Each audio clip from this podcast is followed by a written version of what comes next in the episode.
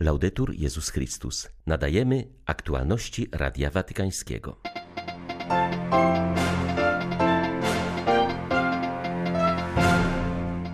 Papież Franciszek przyjął na audiencji przedstawicieli francuskiego stowarzyszenia zrzeszającego osoby niewidome i niedowidzące.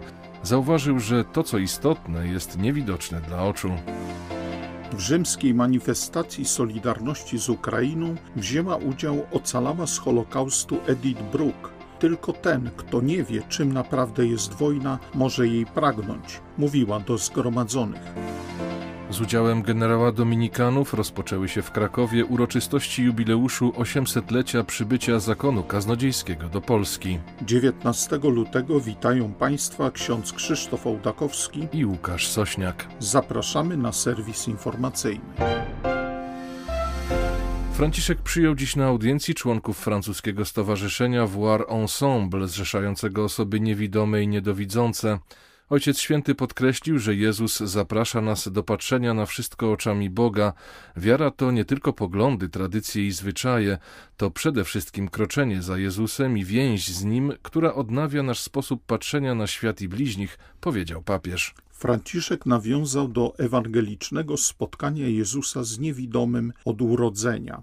Zauważył, że człowiek ten o nic Jezusa nie prosił. Pan sam dostrzegł w cierpiącym bracie potrzebę uzdrowienia i wyszedł z inicjatywą. Spojrzenie Jezusa wzywa nas do spotkania, działania czułości i braterstwa, powiedział Ojciec Święty. Zaznaczył, że uczniowie Jezusa nie umieli patrzeć oczami swojego mistrza. Uważali, że ślepota jest wynikiem grzechu samego niewidomego lub jego przodków. Jezus radykalnie odrzuca taki punkt widzenia. Dzisiaj niestety jesteśmy z kolei przyzwyczajeni do postrzegania tylko zewnętrznej strony rzeczy, powierzchownych aspektów. Nasza kultura podpowiada nam, że ludzie są o tyle wartościowi, o ile są piękni, mają markowe ubrania, luksusowe domy, nowoczesne samochody, wysoką pozycję społeczną i pieniądze. Jednak Ewangelia uczy nas, że także dzisiaj osoba chora lub niepełnosprawna, wychodząc od swojej słabości, od swoich ograniczeń, może być w centrum spotkania z Jezusem, które otwiera na życie i wiarę i które może budować relacje braterstwa i solidarności w Kościele i społeczeństwie. Franciszek zaznaczył, że serce Jezusa nigdy nie pozostaje obojętne w obliczu cierpienia. Jezus nakłada błoto na oczy ślepca i pozwala mu odzyskać wzrok. Nas również zaprasza do działania, aby pocieszać naszych bliźnich i leczyć ich rany, powiedział papież.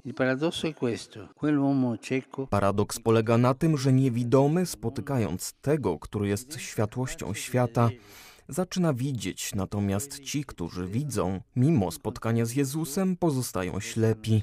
Ten paradoks bywa częścią naszego własnego życia i wiary.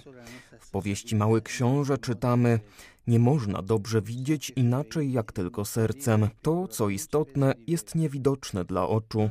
Patrzeć sercem to patrzeć na świat i bliźnich oczami Boga. Jezus zaprasza nas do odnowienia naszego sposobu widzenia ludzi i rzeczy, zwłaszcza w rodzinie. Zaprasza do spojrzenia na wszystko oczami Boga. To oznacza, że wiary nie możemy traktować jedynie jako zbioru teoretycznych przekonań, tradycji i zwyczajów. Jest to podróż z Jezusem, więź, która odnawia nasz sposób patrzenia na świat i na naszych braci i siostry. Na zakończenie Franciszek podkreślił, że jako chrześcijanie nie możemy poprzestać na oświeceniu. Musimy być także świadkami światła. Podczas gdy przywódcy faryzeuszy potępili człowieka, który urodził się niewidomy jako grzesznika, on z rozbrajającą prostotą wyznał swoją wiarę. Jedno wiem, byłem niewidomy, a teraz widzę. I stał się świadkiem Jezusa. My także jesteśmy wezwani do dawania świadectwa o Jezusie poprzez gościnną i braterską miłość, zakończył papież. Refleksja dotycząca tożsamości i przyszłości kapłaństwa jest jednym z ważnych tematów podejmowanych w dialogu ekumenicznym. Kardynał Kurt Koch przypomniał o tym w czasie trwającego w Watykanie międzynarodowego sympozjum na temat kapłaństwa. Przewodniczący papieskiej Rady do spraw popierania jedności chrześcijan zauważył, że jest to ważne zagadnienie dla zrozumienia tego, jak postrzegamy Kościół, Eucharystię i istotę sakramentu święceń. W dialogu z prawosławnymi mamy wiele punktów wspólnych dotyczących znaczenia święceń oraz rozumienia powszechnego kapłaństwa całego ludu Bożego.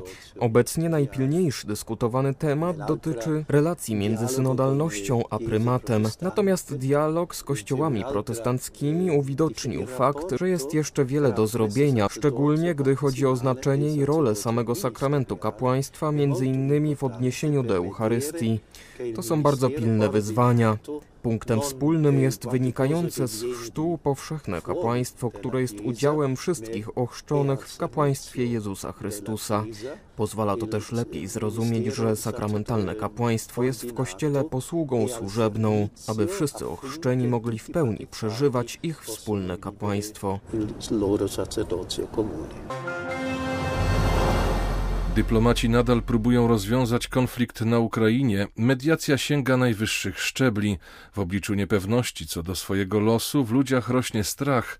Nie wyjeżdżamy z Ukrainy. Na znak solidarności zostajemy z naszym ludem, który kochamy, powiedział Radiu Watykańskiemu misjonarz ksiądz Moreno Cattelan. Podczas spotkania z papieżem Franciszkiem przedstawiciele kongregacji kościołów wschodnich na czele z prefektem kongregacji kardynałem Leonardem Sandrim powtórzyli mocne słowa na rzecz pokoju Benedykta XV z 1917 roku, który wystąpił przeciwko powszechnemu szaleństwu wojny. Ukraińcy mogą liczyć także na wsparcie Kościoła na miejscu, innymi od misjonarzy orionistów w Kijowie, Ponieważ atmosfera daleka jest od stabilności, a stolica ma gotowe plany na wypadek inwazji, księża starają się tonować nastroje wśród parafian i ich jednoczyć. O sytuacji w kraju i wysiłkach misjonarzy mówi ksiądz Kattelan. Choć jest dość spokojnie, to w ludziach jest również strach. Od kilku tygodni presja na cały kraj rośnie. Jest to nie tylko presja polityczna, ale i psychologiczna, która wpływa na każdego mieszkańca Ukrainy.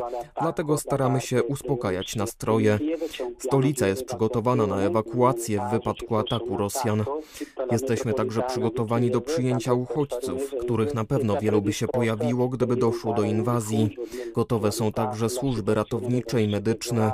Ludzie boją się tym bardziej, im większe są dotychczasowe porażki dyplomatów. Staramy się jednak nie podsycać strachu, o co zresztą apelował nasz prezydent. Powinniśmy też pozostać zjednoczeni, by nie doszło do żadnej prowokacji. Jest to o tyle prostsze, że mamy dobre relacje z naszymi parafianami. To prężna wspólnota. Prowadzimy Caritas, oratorium i niewielkie centrum dla osób niepełnosprawnych. Obiecaliśmy, że z nimi zostaniemy, nie wrócimy do naszych krajów, zwłaszcza w tak trudnym momencie. Zostaniemy tutaj na znak ewangelicznego świadectwa solidarności i bliskości z tym ludem, który kochamy i z którym jesteśmy od ponad 20 lat. Wspólnota Świętego Idziego organizuje na całym świecie akcje solidarności z Ukrainą i modlitwy o pokój w tym zagrożonym rosyjską agresją kraju. Wczoraj wieczorem nie dla wojny, tak dla pokoju wybrzmiało w centrum Rzymu. Dziś podobna inicjatywa odbywa się w Warszawie. W rzymskiej manifestacji Solidarności z Ukrainą wzięła udział ocalała z Holokaustu Edith Bruck.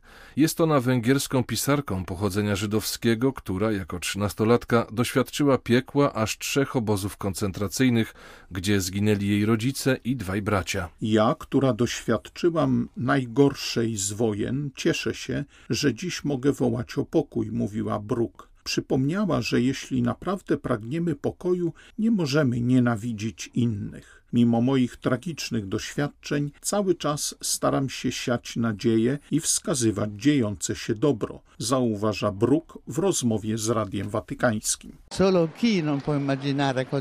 Tylko ten, kto nie wie, czym naprawdę jest wojna, może chcieć wojny. Dziś wojna jest też walką ekonomiczną, dążeniem do wzbogacenia się, zdobycia wpływów. Według mnie żyjemy w wyjątkowo nieludzkich czasach. Boję się coraz powszechniejszej obojętności i nie myślę tu o młodzieży, bo ona nie decyduje o losach świata. Robią to dorośli, którzy są coraz bardziej nieodpowiedzialni, co przynosi nam kolejne zagrożenia. Nie wyciągnęliśmy lekcji z tragedii ostatniej wojny światowej, wyeliminowaliśmy jej wspomnienie, wymazaliśmy z pamięci horror, który spowodowała. Pozbawiony pamięci człowiek staje się wręcz nieprzyjacielem samego siebie. Myśl o wojnie na Ukrainie mnie przeraża. Nie mogę uwierzyć, że ludzie znów będą się nawzajem zabijać. Mam nadzieję, że do tego nie dojdzie. Byłaby to wojna nie tylko między Rosją i Ukrainą, ale dotknęłaby całą Europę, cały świat. Prawie 13 milionów euro odszkodowania wypłacił niemiecki episkopat osobom, które doświadczyły przemocy seksualnej ze strony duchownych. Wynika to z przedstawionego przez niezależną komisję raportu za pierwszy rok jej działalności. Przedstawiciele osób pokrzywdzonych skrytykowali raport oraz procedury przyznawania odszkodowań jako niewystarczające i nieprzejrzyste. Z raportu wynika, że już w pierwszym roku swojej działalności komisja otrzymała 1565 wniosków, z czego aż 949 wciąż nie zostało rozpatrzonych. W większości przypadków komisja wypłacała odszkodowanie w wysokości 10 tysięcy euro, a w czterech szczególnie trudnych przypadkach suma odszkodowania wynosiła ponad 100 tysięcy euro. Komisja podaje także, że blisko 80% osób pokrzywdzonych, które ubiegały się o odszkodowanie to mężczyźni.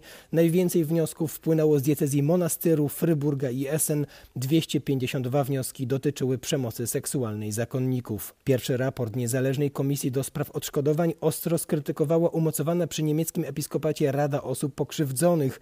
Jej zdaniem, skupiając się na liczbach, raport ani nie spełnia oczekiwań osób dotkniętych nadużyciami seksualnymi w Kościele, ani nie oddaje ich sytuacji. Według nich osoby pokrzywdzone chcą być uznane, zauważone, dostrzeżone i potraktowane poważnie.